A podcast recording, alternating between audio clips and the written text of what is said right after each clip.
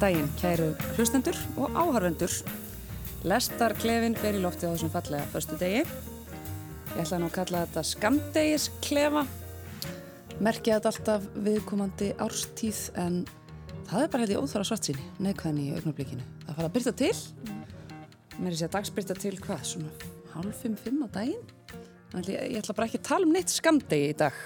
En þetta er bjart yfir þeim gestum sem að setja hérna í stúdíóðu hjá okkur. Ég með sérstaklega vel valda þáttakendur í þetta sinn.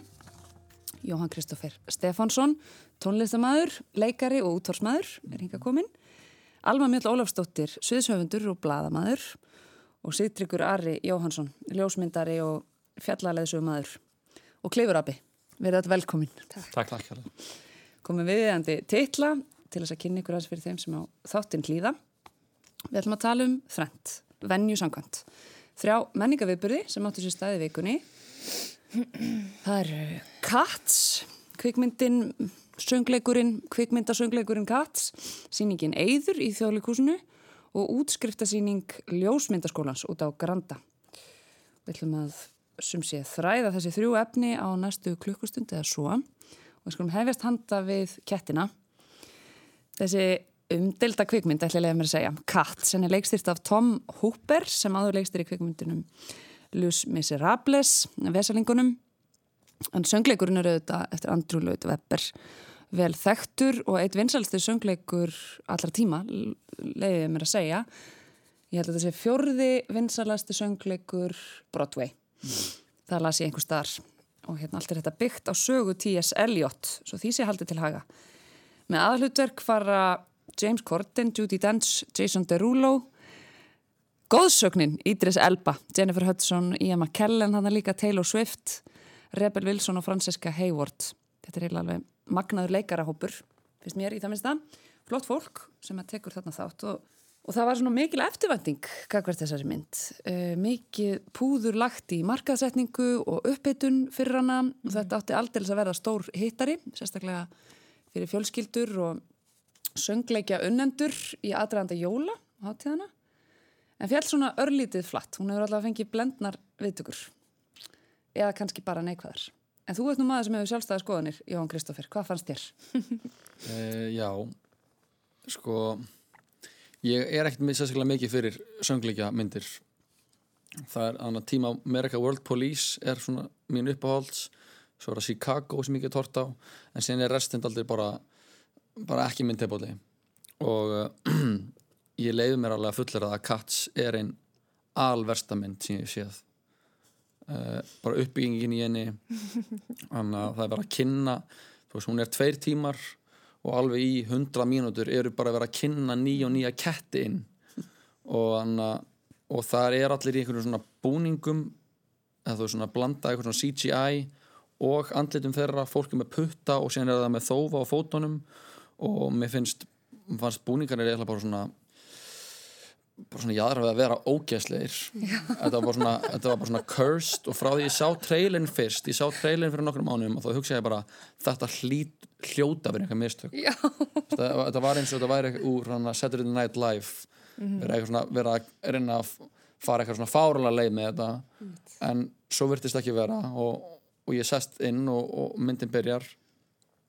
Og uh, það bara byrjar lag og ég var hann með bróðum mínum og kærustu og, uh, og hún veit að ég er ekki mikið fyrir lög í bíómyndum mm. og það bara byrjar strax lag og mjög langt lag og ég bara svona, er bara svona hvistla bara að þeim, ég segi bara ég gæti alveg bara að eftir þetta lag væri myndin búin að þetta væri bara, þessi myndi bara ljúka strax Já. en svo var ekki og hún heldur áfram og það er nýjar kettir uh, fleiri lög og þannig að það sem náttúrulega Cats söngleikurinn á Broadway er þekktur fyrir, eru stórkostlega dansar. Þetta er mikið dansverk líka. Mm -hmm. og þannig að það skila sér mjög illa í einhverju svona CGI mm -hmm. heimi, þar sem allir er einhvern veginn svona, svona í einhvern ógeðsla körst þannig að kattar gerfum. Og hún bara gekk og gekk og gekk og gekk og síðan bara kom eitthvað svona niðurstað eftir samt mjög skrítna uppbyggingu. Og ég ætla bara að leða mér að segja að þetta var bara einn alversta bíómynd sem ég hef séð í mörg ár sko. Það ljómar svo mikil eldur en fyrir þig persónlega bara Já, af því, að, af því að ég einhvern veginn þegar myndir eru lélegar en það eru gerðar að heilindum þá, þú veist, finnst mér það virðingavert en þessi mynd er bara svona skýrt dæmi um stóru kvikmyndaverin stúdíóin að að reyna að kassina á eitthvað sem, er, sem þeir halda að sé pottjætt að allir vilja sjá Cats en þetta sýnir líka bara hvað þau eru svona out of touch við hvað fólk vill í alveg raun sjá bara eins og til dæmis þá að fer Martin Scorsese og gerir því Irishman myndina sína sem er fjóri tímar vill gera mynd sem er fjóri tímar og hann þarf greinilega að fara til Netflix til að fá, að fá hann að gera það mm. af því að einhver í stúdíónum vogra sér að segja við hann nei þetta er of löng mynd fyrir okkur mm. veist, það er einhvern veginn svona stúdíón eru bara komin á einhvern stað þar sem þau halda að þau viti hvað virki bara út af þessum overheitjumyndum og hvað svona og þessu Disney enterprise-inu sem núna bara ríðu öllu þá halda þau að þau séu bara búin að crack the code mm. en, anna, en þessi mynd er bara svona skýrt dæmi um að svo er ekki hún er bara hún er, sko, mér fannst hún líka hún er svona, svona sensuál eða kettur er svona sensuál og síðan eru þeirra að kissa skettin er svona strjúka hverjum svona öðrum og, og mér fannst þetta bara að vera ógeð mér fannst þetta bara, mér fannst þetta bara ógeðsli mynd og, og, anna, og eiginlega bara að því að það kom líka fyrir, fyrir nokkur mánuðum kom trailer að, Sonic the Hedgehog myndinni mm -hmm. um hann að teikmynda um hana, uh, sem var í töluleiknum Sonic mm -hmm. og og trailerinn að þeirri mynd var líka bara mjög svona körst það var bara, hann leit ótrúlega illa út Sonic personan og, og það fer stúdíu og þeir breyta myndinni. Þeir breyta hvernig allt lítur út og hann, nú er komin í trailer þar sem þetta lítur bara miklu betur út. En e, það virtist ekki þau hafa ábygglega verið komin of djúft í framhersluna á Cats þegar trailerin kemur út til að geta baktrakka til að geta alltaf breytingur og úr verður bara þessi mynd sem er bara, við erum að kynast nýjum og nýjum köttum. Það er bara alltaf bara þessi köttur og hann syngur og það er verið að tala um eitthvað jellicle cats eitthvað gróttu kettir sem ég hef engan skilning á hvað er. Og hann að og, og síðan bara gengur þetta bara nýr og nýr köttur nýr og nýr köttur, nýr og nýr köttur og, og, og síðan einhvern veginn bara kom eitthvað niðurstaða og hún hann Dame Judi Dench leikur í henni veist og Sir Ian McKellen. Við erum bara með kanónur í hluturkum hana. En það er líka einhver heilindi, myndur ekki segja það? Mér finnst það eiginlega ekki mér finnst það eiginlega bara að gera það verra. Já. af því að hún sagði Dame Judi Dench sagði að, að leika þennan karakter væri drauma hlutur ekki sitt bara hlutur sem fættist til þess að já. Já. og Rikki Gervais gerir grína þess á Golden Globe sem hann segir að hennar drauma hlutur sé að leika kött sem leggst á bakið liftur upp loppinu og sleikjar þessi píkuna. Svo, þú veist. Sá fólki súpa kveljur maður já, manna, veist, sko. og líka bara eins og James Corden sem er bara einn svona eftirsótasti grínisti í heiminum. Mm -hmm. og hann, ég heyrði bara kóti hann þar sem hann var spurðið bara hann að Katt, er búin að sjá hana? Nei, ég er ekki búin að sjá hana en ég heyrði hún væri ömuleg mm. Það stóð sér vel hann, ja, hann, hann var fyndin, þá komu nokkur móment sem voru fyndin mm -hmm. og það voru alveg performansana inni sem voru maður getur alveg bara sett smá virðinga á mm -hmm. en þetta er náttúrulega bara leikstjórnlegs eðlis -hmm. stúdióið, framleiðendunir mhm. fólk var algjörlega út af þegju um Þú tala nú svolítið undir rós, Jóhann Kristoffer, ég ætla að beða þau um að gera það ekki það er svona um harðari afstöðu kannski, þetta, þetta, þetta var dálítið, hún var mikil vonbreið þessi mynd fyrir mig já. ég eiginlega ekkert á, hver, á hverju ég átti vona þannig að ég hafði eirt dálítið blennar umsagnir sko. mm -hmm. ég, ég fór sko með 11 ára dóttu mína mér til fulltingis hérna, sem æfir ballett og, og ég hugsaði það svona, svona ákveðna vörn gegn fórdáma mínum sko. mm -hmm. hérna og svo röndum við gegnum þetta og, og það er nú búið að segja ymslegt hérna sem að mér fannst sko eh, og svo spurði hann hvernig henni þóttu þetta og hún sagði bara, já, bara svona allt í læg hún leitt sér hafa þetta sko mm -hmm. það var þetta sko það, það var, þessari myndi er ekki alveg alls varna, hún var aðeinslega leiðileg og ég gössamlega afberf alla að hlusta á tónlist í eh, söngsönglega tónlist andrúlega weberdóti, ég bara geta ekki sko. mm -hmm. bara þól ekki þetta mm -hmm. og hérna og þetta svolítið tókast á við hitt að svona, á fullorðinsárunum þá komst ég að niðurstu að dans væri svona sennilega aðsta listformið sko þegar mm. allt væri tekið með mm -hmm. en það kveikti nú ekki í mér hann einhvern veginn, þó mikið væri lagt í að, að láta fólk dansa ég bara, það kveikti ekki í mér hann sko. það skila sér svo Nei. illa þegar Já. allt er svo tölvugjert og svo, þessi, mér finnst þessi músík svo leiðilega ég geta ekki sko, en svo var ég samt að reyna að gefa þessu svona slaka einhvern veginn og, og hlusta eins á þetta og, og svo inn á milli þá þá heyrði ég eitthvað, já, það er eitthvað, það er eitthvað sniðugt, sko. það var hérna svona eh, Wendy Carlos referens sem að gerði tónlist í Clockwork Orange hérna fyrir mörgum ára síðan svona inn á milli kom eitthvað svoleiðis sem var svona eins og eins og mér fannst að veri verið að segja mér að, að, að ég ætti að sjá inn í einhvern svona öðruvísi heim sem er samt bara eitthvað svona kattarugl og, og aftur bara þar stoppaði það sko. Þannig að ég, þetta var ekki ég bara, ég bara náði þess ekki og ég hafði ekki gaman að þessari mynd. Ég, ég labbaði bara út og, og, og var bara að pæli hvað ég ætti bara að borða það. Var ekkert annað sem að einhvern veginn satt eftir sko. Alma, tekur þú undir það að þetta sé svona mynd sem á blaði á að vera hittari, svona kannski örugur, tryggur hittari með þessu góðu leikurum, mikill kostnar við þetta allt saman rosalega, rosalega fjármunni settir í all, alla hérna, umgjörð og, og hérna, bara allt púður í þetta sett Mhm. en svo fellur hún svona gjörsanlega flutt Þeir hefði bara kannski ekki hægt að gera trailer fyrir myndina. Hefði þeir vilja að ná einhverjum vinsaldum eða... En ég, þú veist, ég maður þegar ég sá trailerin fyrst þá gaf ég þeim það að ég hugsaði, er ég að fara í gæðróf? Eða, veist, hvað er í gangi? Mér leið líkamlega illa við að horfa á hann trailer. Og þetta er svona, ég hugsaði bara, er heimurinn að farast? Þú veist, er ég að fara í gæðróf? Ég er svo meðverki, ég gæti ekki beint þessu að þeim til að byrja með. Ég hef aldrei séð trailer sem er svona slæmur á æfinni. En ég fekk fregnir af þessari myndri, ég var til Danmörku og fór allar vinkurum mína saman á hana og hló og það er svona hljómaði þessu, það er allar minnst að kannski skemmt sér þetta saman í bíesalum að horfa á þessu mynd. Þannig að ég var alveg spennt að fara og taka þátt í hvað myndin er leðileg. En ekki leðileg, skrítin, af því að mig grunnaði ekki hvað hún var leiðinleg. Það var það sem að fyrst og fremst draf mig, sko, hún var svo ógeðslega leðileg. En svo er alltaf bara svo margt, við getum setið í marga klukkutíma. Þú Veist, já, ég tók fyrst eftir höndunum, ég eitthvað, af hverju er þessi ketti með hendur? Já, það törfla mig mjög Ég er bara hvað í gang, þetta var svo mikið svona, ég hugsa í alveg, ég er að koma heimsendir, af hverju er ég að sjá þetta? Er þetta, er eitthvað svona fyrir ennari þess að alls sé að fara til helvítis? Þú veist, ég hugsa það í raunverulega, að ég var líka bara stærðar hlutvöllinu er alltaf í ruglinu, þú veist, hversu litlir eða stórir eru þessi kettir? Og af hverju eru þeir í pels? Af hverju eru þessi kettir í pels? Þetta er svo mikið svona kattakannibalismi að setja þessa ketti í pels. Bara hvað er að gerast? og það er kannski sérstök stúdía hvað einmitt gerfin fara Já. í töðunar á fólki ég hef og allir nefna útlit kattana Já. og mennskuna í því útliti. Mhm. þetta verist kannski vera of nálagt einhvers konar líkanlega mennsku til þess að við getum séð þetta í friði. Þetta er, þetta er haft of nálagt mönnunum Já. eða köttum, þetta er allavega svona liggur á okkur svona erfiðum mörkum sem gera það verkum okkur fyrst að bara óhugnalegt. Sem myndi kannski ekki tripla jafn mikið í leikhúsi Nei. en triplar í bíó.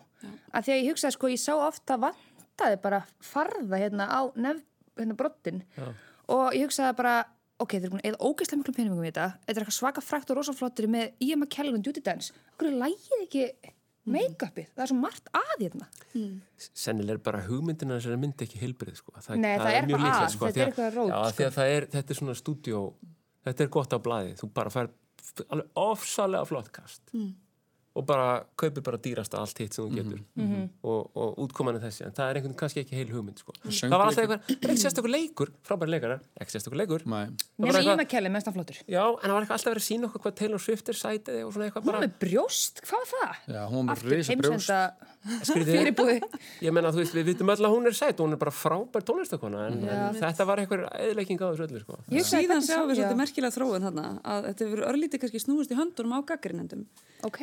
sko. Að vegna þess að fólk setur svo mikla orku í því að lýsa yfir hversu lélega kvikmyndin er já, að fólk vil sjá það sjálft. Um það ég var sjálft, það er svo sko. mikið hiti í hatrinu að fólk flikkist í bíó Mhm. flikkist og ekki flikkist, allavega vill dæma um það sjálft. Mhm. Ég held að sé líka allir svona ætla ekki, með slæmar myndir bara ein uppáhaldsmyndi mín er mynd sem heitir The Room eftir Tommy Wiseau sem er almennt talin einu vasta mynd allra tíma. Og hann, að- hann er leikstýrinni sjálfur, pródúserar hann, leikur í henni og uh, þá gerði sér mynd um ferlið James, sem James Franco gerði sem heitir The Disaster Artist og hann, Tommy Wiseau er algjör svona förðufugl og, en hún er einhvern veginn gert, gerð algjörlega, þú veist, hann gerir hana sjálfur hún er bara independent og hann gerir hana tekur hann upp bæði á filmu og digital. Þú veist, hann er bara hann að fer all in í allt rugl sem hann getur. En það er að því að þetta er svo mikið hans listaverk þetta er svo mikið hans sín sem skín í gegn að maður einhvern veginn bara svona getur ekki annað en elska en þegar það kemur eitthvað svona sem er einhvern veginn verið að fara all in í einhverju vitleysu en það er gert að einhverjum bara svona einhverjum toppum á einhverjum, einhverjum stúdíum sem er bara já, Cats, vinsalsi söngleikur allar tíma auðvitað virka það sem bíómynd eins og bara Les Mis eða þú veist, eins og Mamma Mia núna upp á síkastíð og, og þú veist, þessar myndir sem eru veist, Chicago, það er svona uppáhalds söngleikjamyndi mín sko. En það er bara, það er bara farið svo ótrúlega furðulega að því og eins og myndist á hann, þá er þetta mikið dansverk líka. Það, það transleitast ekki inn í bíómyndina þegar, það eru grein allir bara í svona grænum búningum að dansa. Já. og síðan sé ég bara stundum það kom moment, það sem ég sá bara grænt endurskinn í búningum. Ég sá bara að það já, ég sá bara grænt hérna. Það er bara greinilega bara, þau eru bara í búningum þú veist, bara green suits og það er bara að láta allt utan á þau. Og það er bara svo mikið róf maður er bara svona, mér líður bara svona smá eins og þess að vera, er, vera að gera grín af fólki. Og köttum. Og köttum náttúrulega, þú veist. virðingu verður kettir. já, þetta er mjög sko og svo voru kakkalagarnir, það var fyrsta svona hvað er í gang Já, Þegar það var kakkalakkarnir eitthvað komu. skrítið Mér an- andlit og Já. átun andlit því að bara siður of já, þetta var síður of En er ekki, það eru, það eru sumir sem eru sko sérstaklega hrifnir að því að verða fyrir sterkum hughrifum þegar þeir neyta listar Mhm. af hvaða tóa sem er. Og þá kannski að hvaða hughrifum sem er, bara að eitthvað hreyfi við manni, það er það sem sóst er eftir. Já. Og það getur verkað í báðar áttir.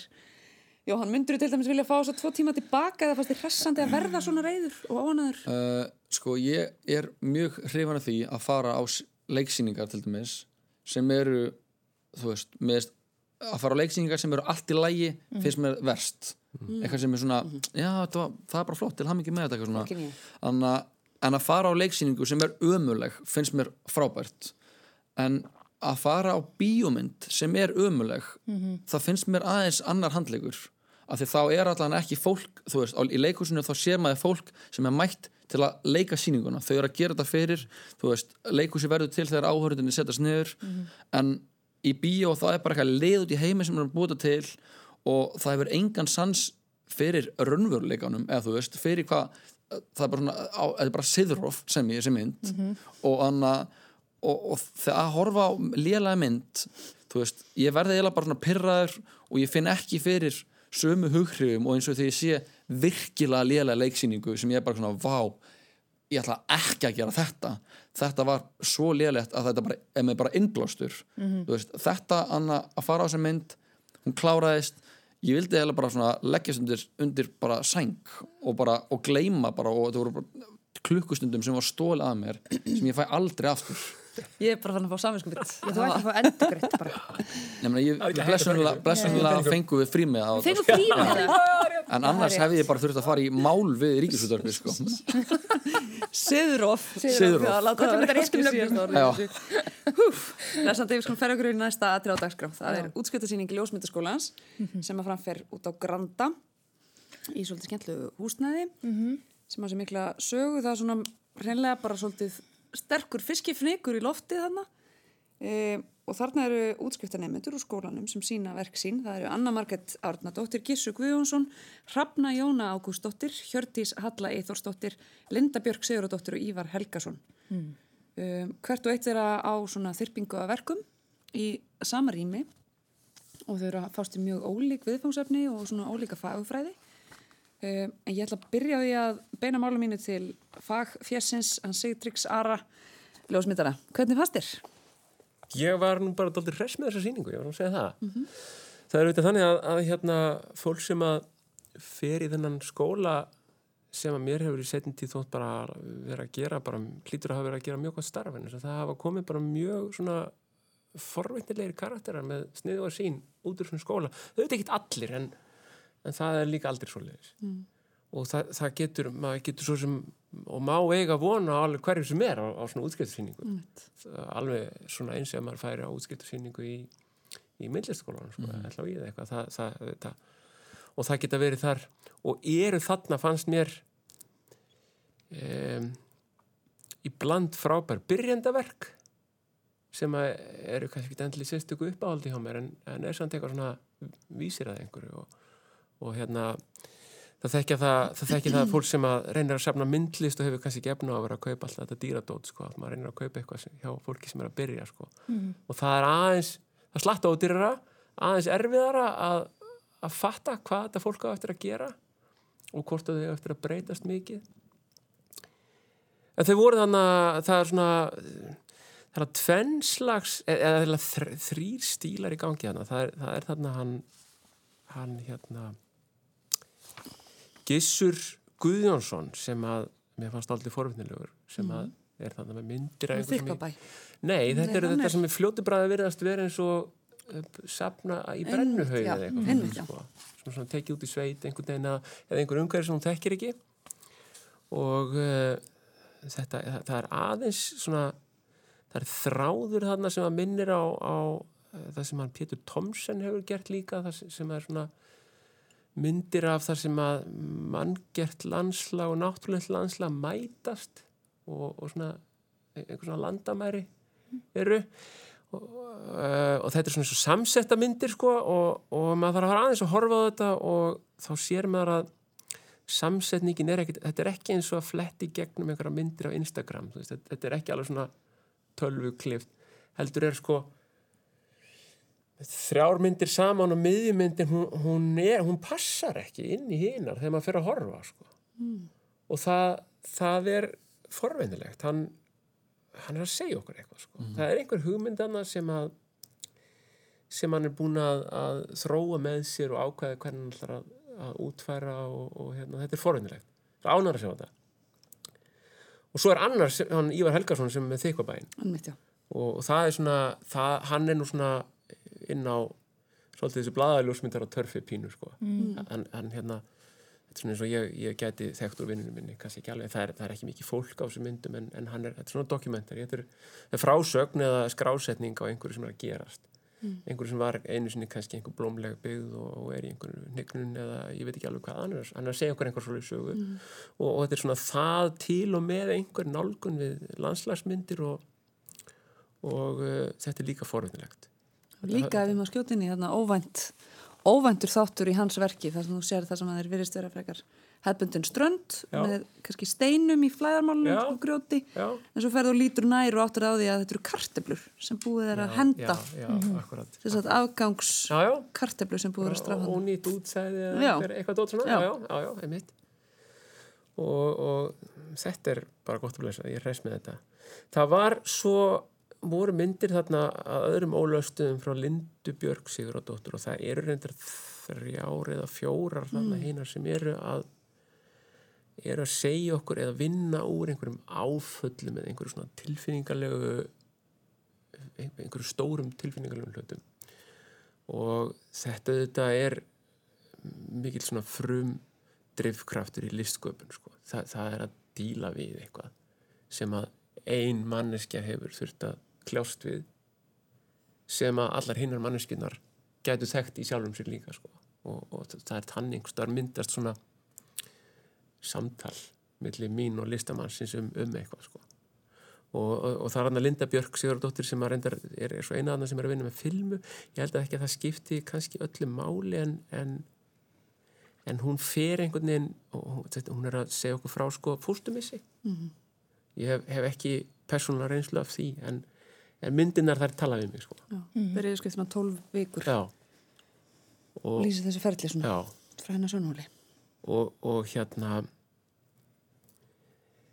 það er eitthvað þarna sem að er alveg organist og, og jafnvel þó að önnur verk á þessari sýningu séu það líka þá, þá stundum er, ég sé að fólk er að, er að velta fyrir sér líka svona tæknileg, tæknilegri nálgun sko, hvernig á ég að vera að nota svona ljós eða hins einn ljós og svo þarf þetta ákveðið hjá hvað það ætlar að gera og, og svo er bara verkið tilbúð og þú ert að kunna að stoppa og segja hennar, hennar verkið mitt. Og, og, og það er bara fínt.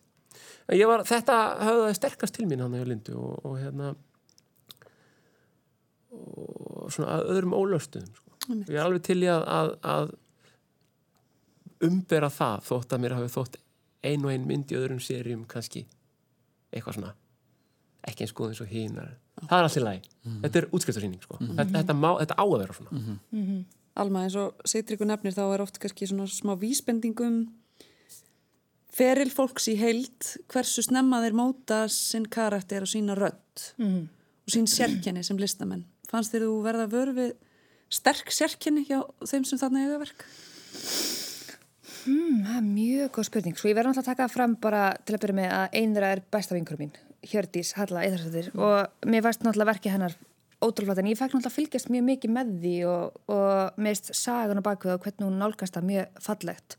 Hún er náttúrulega bara afbráð kona og, og listamæður. En pff, einmitt, einhver höfunda engin, ég veit ekki, mér veist ég ekki geta sagt að ég þekki þau ekki hinn, hvað eru búin að að gera áður og ég, mér finnst eh, kannski ekki þessi verk bera einhver sterk höfundarenginni, kannski kann ég bara ekki nú vel að lesa ljósmyndir.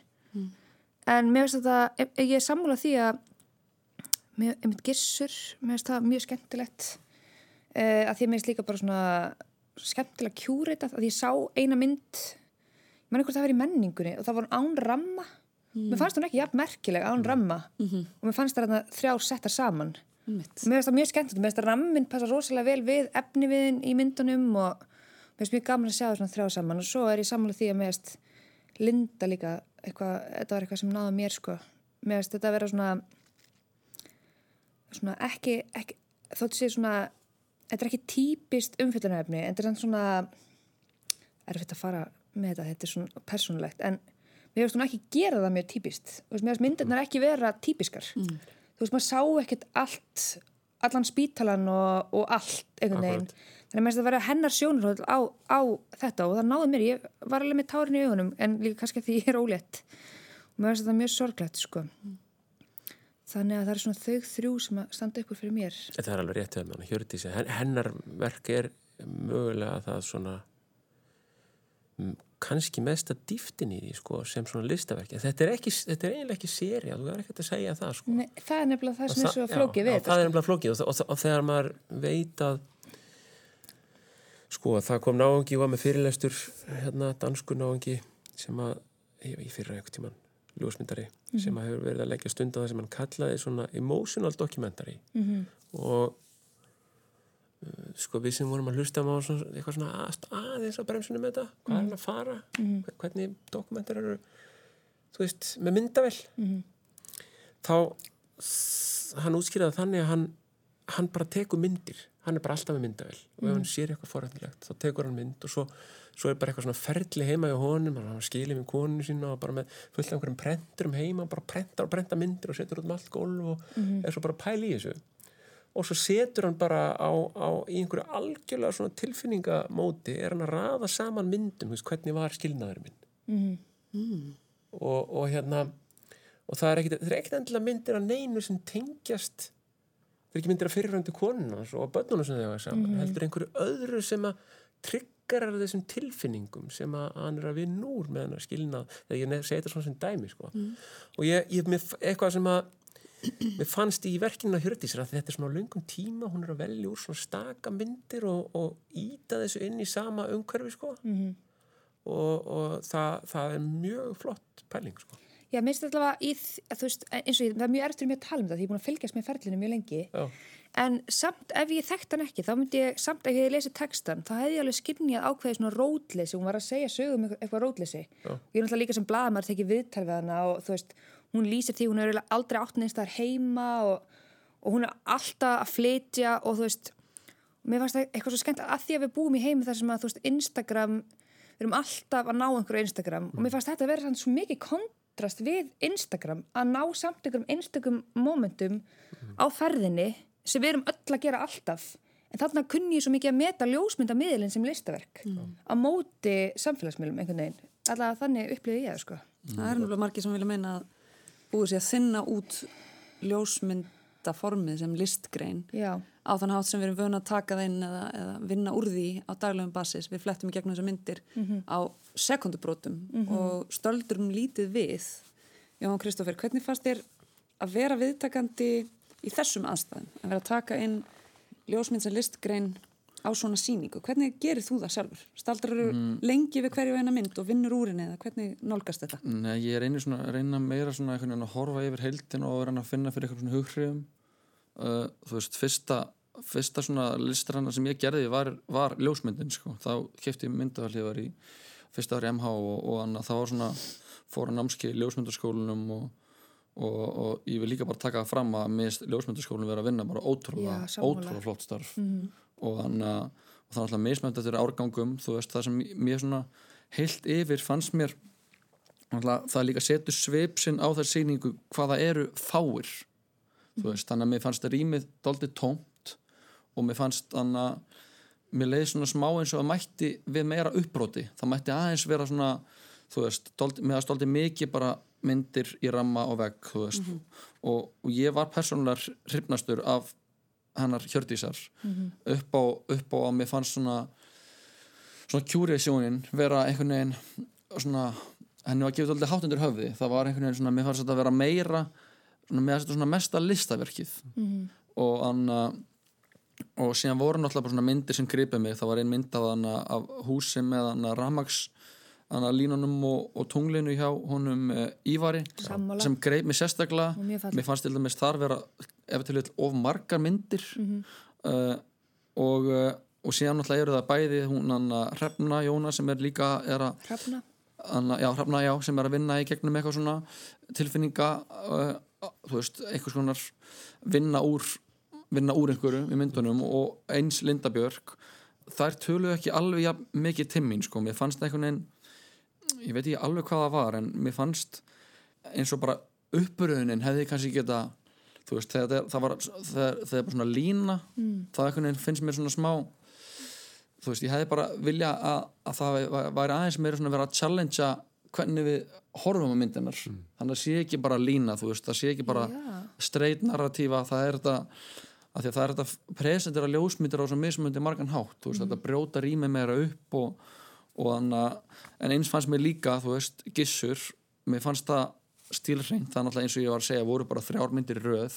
En þar, þær fengum mig samt til að spyrja mig spurninga, það var svona þú veist, þannig að sett einhvern veginn svona bæði alla umræðu um lofslagsmál og, og hvernig svona hvernig við, hvað við gerum við drastlið okkar í eitthvað sammengi og, og myndi mig líka margt um á hann, hann kjela ljósmyndara og þannig að það, er svona, það var, voru þau gissur og hjördi sem svona töluðu bestu mest við mig sko. Og, og mér fannst eins og hjá henni Anna, uh, Anna Önnu Margréti þú veist, það var Anna veist, það Mjög var, kjúritað. það var mjög kjúritað Já.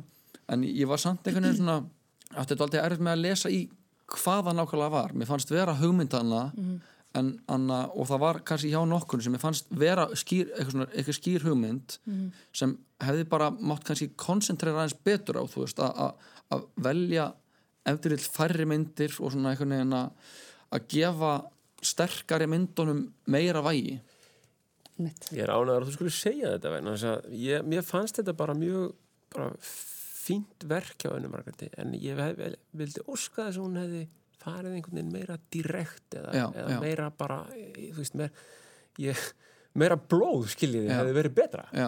en, en af því að það var blóð en, en ég meina það samt ekki alveg Jórsins fylstu sko. Nei, hefði bara átt að vera aðeins fara meira í sálina Já, það voru svona einhver, svona, einhver fagufræði sem var að kallast á, það var þetta hana, sklimmerið og perlurnar og blóðið og einhvern veginn að bara svona að bara fara lengra Já. mér, þú veist, og mér fannst, mér fannst heilt yfir fólk með að fara lengra einhvern veginn svona að það er klárlega einhver hugmynd en bara, og það er náttúrulega gerist líka bara í kennslunni og, og, og fólk er mislengi að, að svona að komast að því hvert sitt þeng er.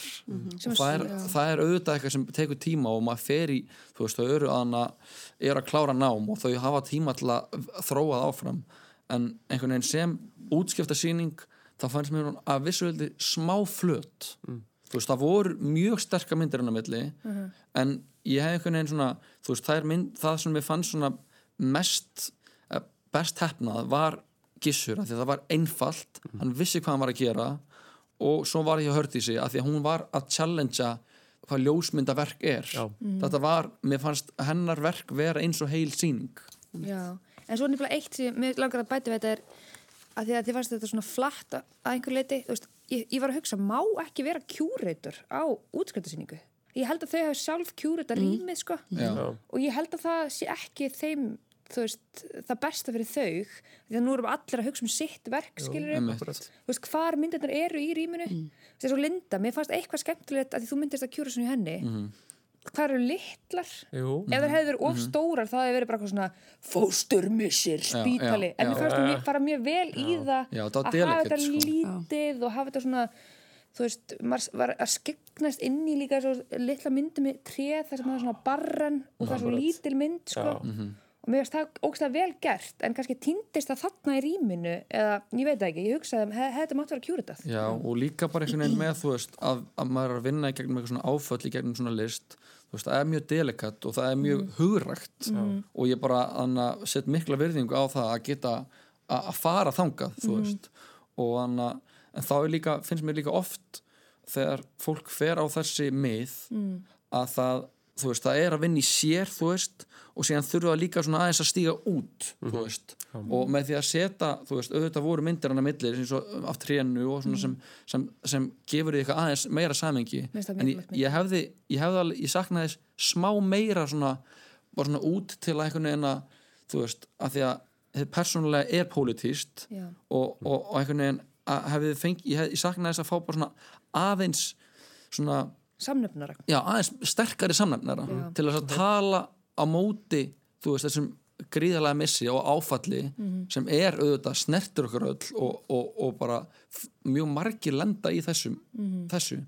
Og ég held að það hefði getað að þú veist, stækka það að gefa því aðeins meiri sterkari kontrastæði, þú veist, Já. svona að finna einhverja samnefnara Mér finnst sem- þú náði í nokkru myndum, Ég líka er myndi alveg- það sem hún situr á því, sko. Og maður sér bara, þú veist, ekki framan í hérna en maður sér badnamyndir af veggjunum Mhm. það gefur mann svona að kynna okkur, hún áböðn áður þetta er svona, að veist mér finnst alltaf með treð og þá mynd fannst mér það að virka sko, já, og mjög hugrænt mjög hugrætt sko.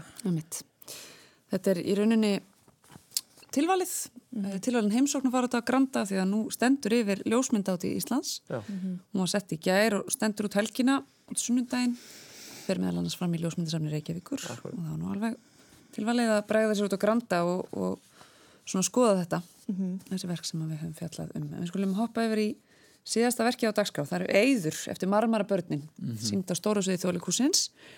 Það eru Katrín Gunnarsdóttir, Kristinn Guðmundsson, Saga Sigurðardóttir, Sigur Arendi Jónsson og Vétís Kjartansdóttir sem að skipa þennan listahóp sem áður hefur sett upp verk í þjóðleikúsinu og það var Moving Mountains sem var tilnefnd til gaggrinenda verðluna Evrópska tímaritsins TANS 2017 og grímiverðlunana. Þetta er dansgjörninga myndlistarleikús einhvers konar. Mm. Sjónræn síning sem að svona fellir sér í sama bálk og þau hafa áður gert. Liggur á einhverju mörgum með myndlistar, dans, leiklistar og, gjörninga. Ef maður þarf eitthvað að skilgrina það. Það er söguþráður í þessu sem er þannig líst. Fimm strandaglópar ranka við sér á eyðeigju einhver stað millir raunheima og skaldskapar.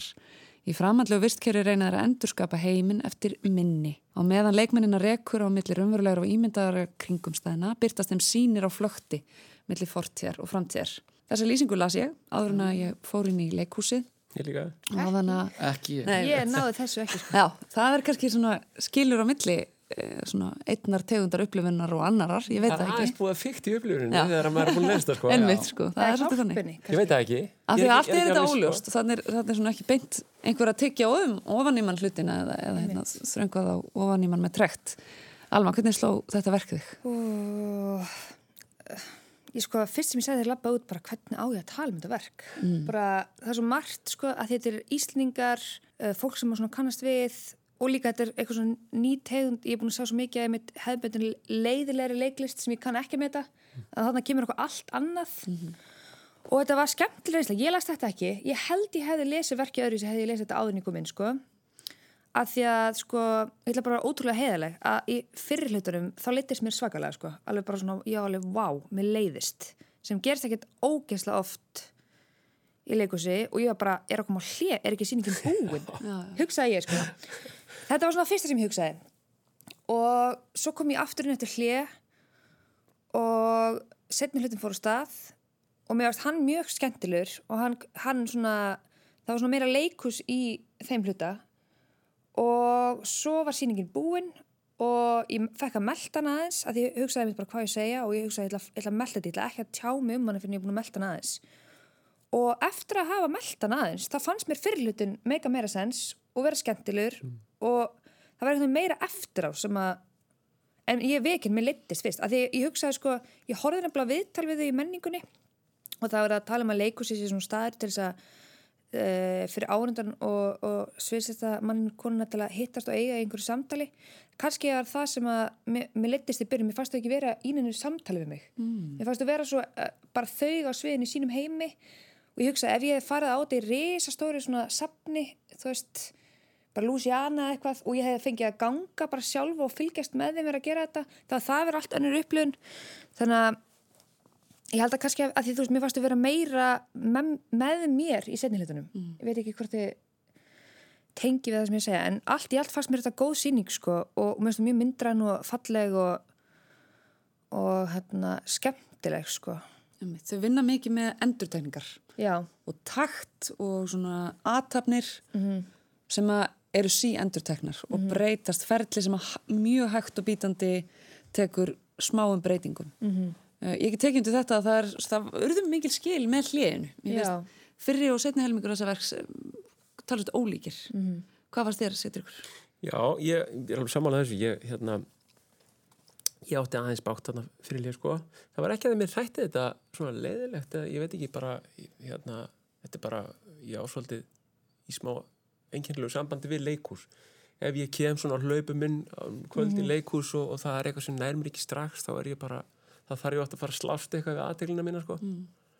Og, og hérna en svo, svo bara einhvern veginn held, ég, þá var fólk alltaf að hlæja og þau verðist alltaf að hlæja bara á einhvern synkroniseriðum tímum og ég bara sá aldrei þessa brandara. Þetta er grafa alveg mál bara há, svo hápolítist allt saman, það er ekkert fyndið. einu þarna út af því að ég fór út í hlínu og það hefði mér leiðist því mér fannst það ekki vera að eiga einu samtala um mig. Já. og það var einn stelpa sem ég talaði við sem sagði það var svo fyndið þetta með kaupmannhöfn ég veit, eftir það hungurinn í reference? Að þú heyrir kaupmannhöfn og bara frábær síning mér finnst það svolítið fyndið sko. Fyndið, nei ég meina ég bara þetta var alveg, ég uppleita bara sem alveg hápolítisku síningu Mhm. að mér finnst hún hérna að vera alltaf að, að díla við eitthvað eitthvað algjörlega præmal Mhm. í skeppnum að því að menn eru skeppnur og konur og eru skeppnur og, og, og, og mér finnst alltaf vera, vera að sína mér hvað eitthvað í, í dýrsæðlinu okkar er greinlegt í kultúrnum okkar þó hann sé allur einhverju ælu plani sko.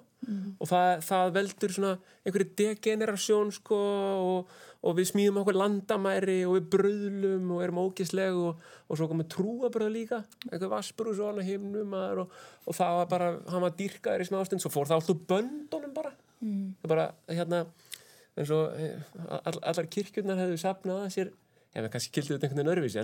En þetta var svona, það mátt að lesa svona hluti sko, inn, innan úr þessu og, og hérna og svo þetta var svona það vottaði fyrir dansi þarna ég hefði viljað sjá meira á hann af því að dansi er uppaldið á mér.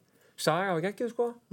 Og þau eru þetta öll sko. En, en ég var bara almennt bara mjög ánæður með þessa sýningu og ég var mjög ánæður að, að, að ég skildi ekki missa vitið þannig fyrir hlýja sko. Ég skildi einhvern veginn ná að halda mér inn á líka, og, og að, að því að svo, svo hérna það bara svo fekk maður velun sko. Það eru þung þemu þarna Jóhann Kristoffer eins og ditti nafnir þá er þarna verið að svona fást sennilega. Gíska maður á við, við einhverju viðfónsefni eins og valdabröld og stjórnmál samfélag manna, svik jafnvel, einhverja ofneyslu.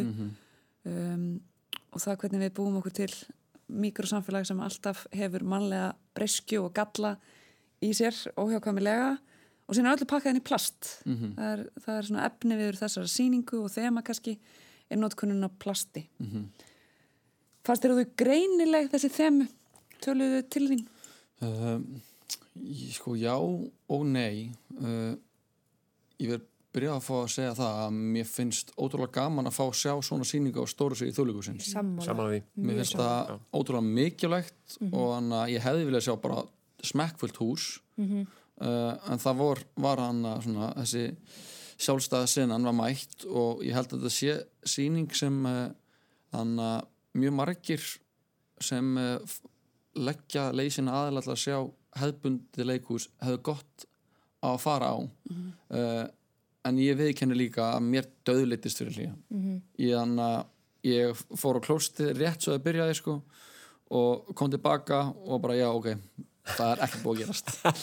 En, anna, en ég er þú veist, en alltaf er anna, lærið sviðsöndur og ég, allir í minni vinnu þar í listaháskólanum þá var tímið mér mjög, mjög hugleikin. Og anna, og það var kannski líka bara ég var nýkomur úr vinnunni ég bara tróði með pítsu á rétt árinu kom og ég kom og sem bara setti sér niður og bara ok, þetta byrjaði þú veist og, og sem var bara eitthvað svona ógislega sló þannig að ég var bara svona ah, já, alright, alright. En síðan einhvern veginn kemur til hann að þú veist, þau byrja að tala saman þú veist, þannig að er eitthvað svona slapstick referensa þau eru að hlaupa hana í um, um miðja fyrir hlýja þannig kemur eitthvað, svona- kemur eitthvað grín og fólk er að hlæja og ég er eins bara eitthvað svona er ég að missa einhverju? En síðan þegar kemur að setjast niður og byrja að er með pítsuna hana, er að tala um hana, er að borða pítsuna saman og er með síman og þá er svona byrja eitthvað svona, já ok. Þú veist, þetta er sterk mynd þú veist, og hana hún rétt svo bjarg, eða svona, bjargaði mig fyrir hotn og síðan kom hlýja og eftir hlýja fannst mér hún stórkostleg. Ótrúlega sterka myndir og þannig að bara einhvern veginn hvernig þannig að þú veist voru eins og eitthvað svona træball eitthvað svona rosa bara myndum og svona referensari eitthvað svona afrí, afríska frumbyggja hópa sem voru öll með sitt hús og byggja úr sínu og þannig að umráðasvæði. Já, þú veist, umræðasvæðið og síðan einhvern veginn fóruð að spila þetta Mikado sem hann sem einhvern veginn svona varð hann myndlíking fyrir eitthvað sem ég veit ekki alveg hvað er, þú veist en mér finnst það líka gaman að það er eitthvað að ég veit ekki þetta, þau vita og, og það sem ég ber líka bara svo mikla verðingu fyrir er að sé hópur sem er að taka áhættu þau eru að gera á stóra sviði þjóðleikusins samsköpunarverk sem er bara dálítið challenging. Og hann og að því ég er náttúrulega maður er ný til, ný til, hana, svona, nýbúin að sjá hann Andarsna í, í, í borgarleikusunni mm. þar sem toppiki var það sama þetta er ofnisla, þetta er vatnið það er plastið og hana, fann, ég tengdi þetta mjög mikið við það við plastið og þessu ofnislu og hvað við erum að gera og hvað við ætlum að gera og hvað við gætum gert þannig að mér fannst þetta tala taldi vel við þá síningu við fyrirleistur Andarsnæðis nema að fara bara alltaf að leið þetta fór bara, bara algjörlega eins arti og þú gast farið þú veist, mm. og hann að það var kannski ekki mikil dans en það var mikil koreografía, það var mikil vera þú veist, þau voru búin að ákveða hvað hvaða hreyfingar áttu við hvar. Og hann að þegar sýninginu laug, hún lík, henni líka náttúrulega, ég er ekki að, hvort ég sé að spoila einhverju en, en þú veist, það kemur það er verið að draga svona næfur þund plast yfir sviðið og það verður eins og, eins og alda. Og það kemur sama hljóð bara svona sjávar niður í öldunni og þá var ég bara, ég var algjörlega aktofa það það var stór það var, það var, bara stór, gæsa á Já, þau segja. það var algjörlega stórkustlegt og ég bara var bara því að fyrir hlið var ég bara svona ah, ég bara svona, ég, ég ber virðingu fyrir þessum leik með tíman að því ég bara tengi við hann sjálfur á, á því sem ég veist gaman að rannsækja leikursi en samt var ég bara þannig uppstemdur að ég var ekki alveg þú veist, upplæður í það en síðan eftir á þegar sýningunni lauk þá einhvern veginn þá fannst mér ég geta sett fyrir helmingin í samhengi. Og þá var ég bara ok, þú veist, nú skil ég. Og, og, og þá fannst mér þetta vera miklu, þú veist, þá fannst mér þetta svona, svona smetla saman og þá fannst mér þetta bara vera ótrúlega vel unnin sýning. Já. og bara þetta var á mörgum myndlistar, dans þú veist, leiklistar og þetta var einhvern veginn bara svona þetta var bara hugrægt og með þess að þetta anna, og bara þegar fólk líka bara svona mjög góð dýnamík millir allra í hópnum, það koma allir listamenn sem koma að sýningunni með eitthvað nýtt eða þú veist, sérstakt á borðið. Það er enginn sem gerir það sama og, og þessar, þessar, mér fannst bara svo mikið að sterkum myndum í þessum eftirhlýja að ég algjörlega bara svona tók fyrri helmingin þar sem þessi tími leið svo hægt og mér fannst það bara að verða mér fannst, mér fannst eiginlega bara hann styrkja það sem við sáum eftir hlýja svona eftir að hyggja. Þannig að ég var bara mjög imponeraður og, og síðan var ég sérstaklega ánægður að sjá svona tabló við vant þannig að þegar það kom inn, þegar þau fóru í þannig að voru að spýta vatninu hvort í annað og voru að gera þannig að stillimyndinar og hún líka nálægt okkur á sviðinu, skilur. Hún var Já. nálægt og hún var bara ein og sér það fannst mér gefa henni svo mikið rými. Já, já. Og það var mikið hleið. og Já. það var mikið hleið og það er líka bara referens bara í leikast söguna, þú veist, ég tók þátt í í Fíkarós þar sem Katrín Gunnars var að hana, koreografía uh, Tableau Vivant sem við hana, leikum þjónana í, í seturinu, við vorum að- að að leika. Og, og það bara svona, það líka sló bara svona ákveðin tón fyrir mig persónulega en bara hana, ég var bara mjög ánægð með þessa sýningu og, og þetta er sýning sem mér finnst það bara sem flestir ætti að sjá bara þegar hún byrjaði ég hugsaði, okay, þetta er svona sýning sem hana fólk sem hata listamannalaun horfir á og er Ég eitthvað, hugsaði já, líka. ég hata Ég listamannalaun. en það er líka bara svona það eru bara fordómar, það er líka bara fólk hefur, er, er mis, misgott í lestri, þú veist og, og auðvitað hagnast það mér að ég er bara listmentaður en ég held að þetta sé sýning sem ángríns allir hefur mjög gott á að sjá af því að hún skilur mann eftir með eitthvað bræði munninum sem ég er ennþá bara með. Já. En ég hugsaði til mér eins og með fyrirlutan eftir á, ég hugsaði að því mér fannst í ykkur fimm mínútur sem mér hefði bara verið bóðin í stúdíu til þeirra og þau voru bara að gera æfingar í stúdíunni sem er ótrúlega skemmtileg leikur við hlutina og svona ég hugsaði, hefði hjálpað mér að hafa tónlist þú veist, gefa, koma með aðeins meira leikus það inn var engin tónlist fyrir hlið Nei, að þau byrjaði svo sterkt með þú veist, öllum þessum vörpunum Mhm. og svona sterkri byrjun sem var alveg leikuslega sko, og svo bara myndlist. Já, já, og ég hugsaði, en ég er ekkert viss um það ég er ekki viss um það núna hvort að ég hefði þá vilja hafa þessa tónlist sem hefði þá hjálpað mér að horfa á það sem einhvern heim Nei, eða hvort ég- að hún hefði mátt bara vera löng ég er sammála sko af því að síðan var tónlistin eftir hlið stórkostlega Já, ég held þetta sé rétt með því, sko. hann var að vísa að spila á sko, já. en, en sko það hefði eiginlega að koma inn með öll trikkin sko, fyrir hlýja hefði er ekki verið réttlætanlegt eftir á sko. nei, Nei. þetta styrkir setni hálfleik sko, að, svo eftir hlýja að, að eiga þetta inni sko. tónlistin stórkostlega eftir hlið ég verð líka bara að setja virðingu á það sko. Hún var alveg bara, bara top tier sko. Ég var mjög imponerað yfir henni sko.